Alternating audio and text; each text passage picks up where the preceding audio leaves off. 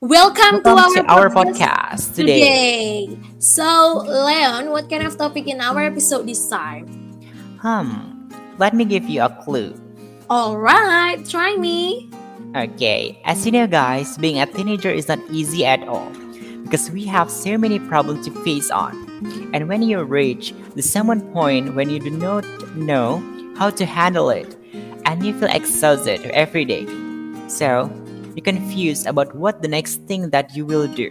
That's the clue, as three. Hmm, I kind of get it. Confused, exhausted, in young age. I guess it's one of the symptoms of life crisis. Is that what we're gonna talk today about life crisis?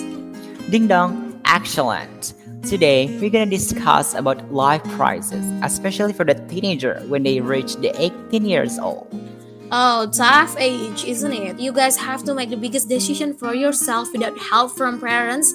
This is the first time you decide something on your own. Exactly. I don't know want to recall the moment anymore. So, let's dig in about life crisis when you reach 18 years old. Let's start with the definitions of the life crisis first. Life crisis itself is a change in a certain aspect on our past of the life in the another past. That is the requires adjustment. But not everyone is successful to making this adjustment.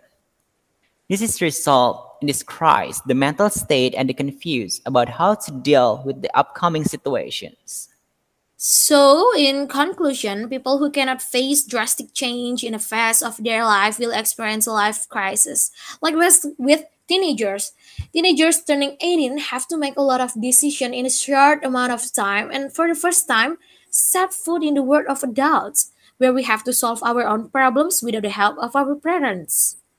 That's right. So, today, to know more about life crisis in the teenager past, we have the teenager that we will share their own story, how do they pass their own life crisis. Yes, and some of our listeners sent us their story. So I'm gonna start with a boy in Cikarang. Right now he is 19 years old, study international relation at President University. And without any further ado, here is Iqbal. Yay, let's listen. You know, I have a little story that you many have experienced. And this tells a little about myself when yeah, I just graduated from vocational high school to enter the President University. Okay. In 2020 January when the pandemic started in Indonesia yes pandemic covid and at the time I just wanted to pass the national exam and March I was confused about whether to continue between work or college yeah I chose to work for one year while studying. And during my work, I get benefits, namely benefits when I meet customer. And at the time, I learn about the ethics of politeness towards customer. In 2021 March, I start uh, looking for university in West Java and Central Java. And you know, I at the time I was still not allowed to go Central Java and keep looking to private university. And yes, finally I like President University. What an amusing story from Iqbal. He quite confused whether to work or continuing his school. Yes, and at the end, he chose to postpone his study for the one years, and who knows? Because of that, he found his dream college. Yes. So, the moral of the story is it's okay to take your time for a moment and decide what is the best option for you, just like Iqbal did. Okay, let's listen to the next one. Is Valencia.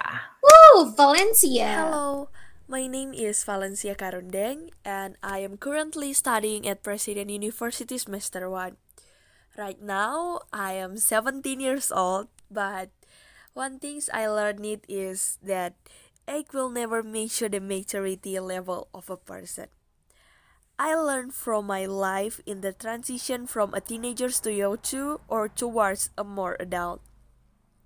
It can be said maybe at this time I am still young, but praise the Lord, the life lesson I have learned it for 17 years for me are truly extraordinary. Today I will give a story about transition to adulthood. One thing that is very hard for me is to prepare and decide for the future.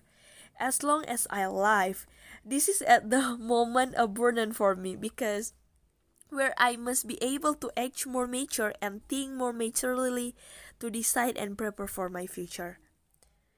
It can be said the that sometimes I may be overthinking with my current state of life. Sometimes I think I think about how my life will be in the future and whether the decision I make now are right and what to do in the future. And also sometimes I wonder if I can face my life in the future. Where the question is always on my mind when I invite adults today. But on things I learned it and I got if we allow God to work first in this life, that everything is the best that God has prepared.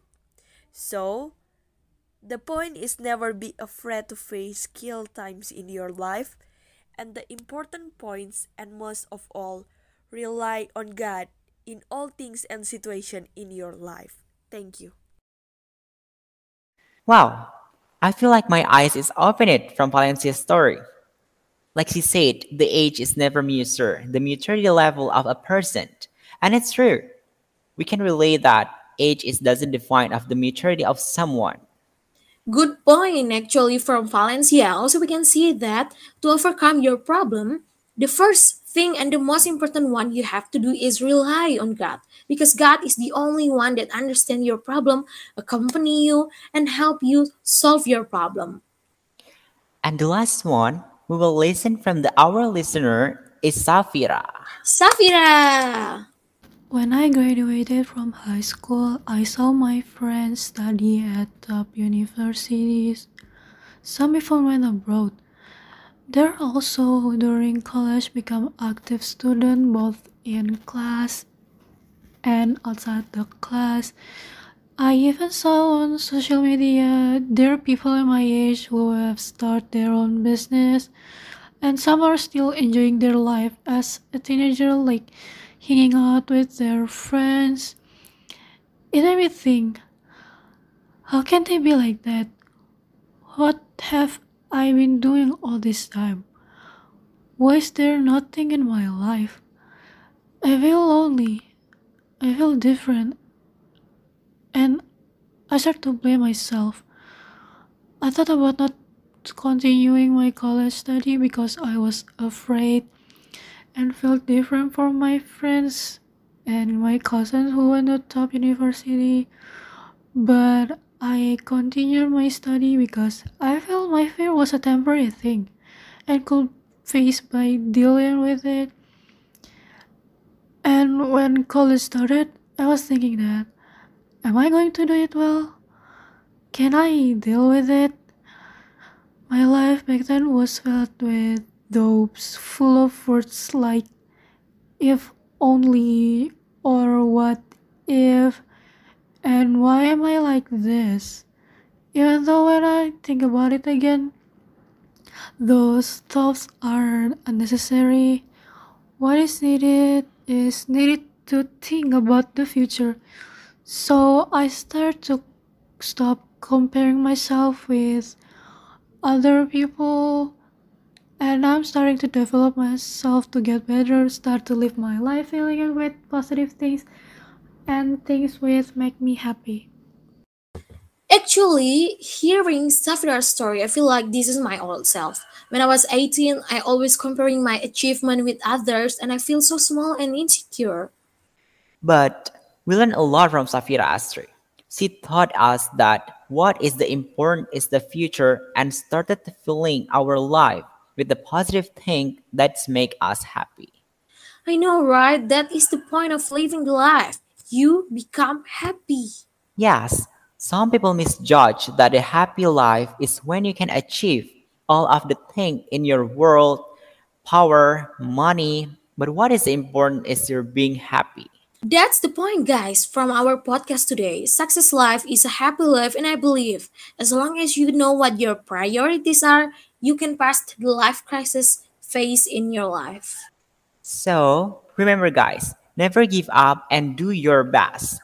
And one thing that is important, rest when you're tired and priority your happiness. That's all, All guys. guys, see See you you on on next next episode. episode. Bye. Bye.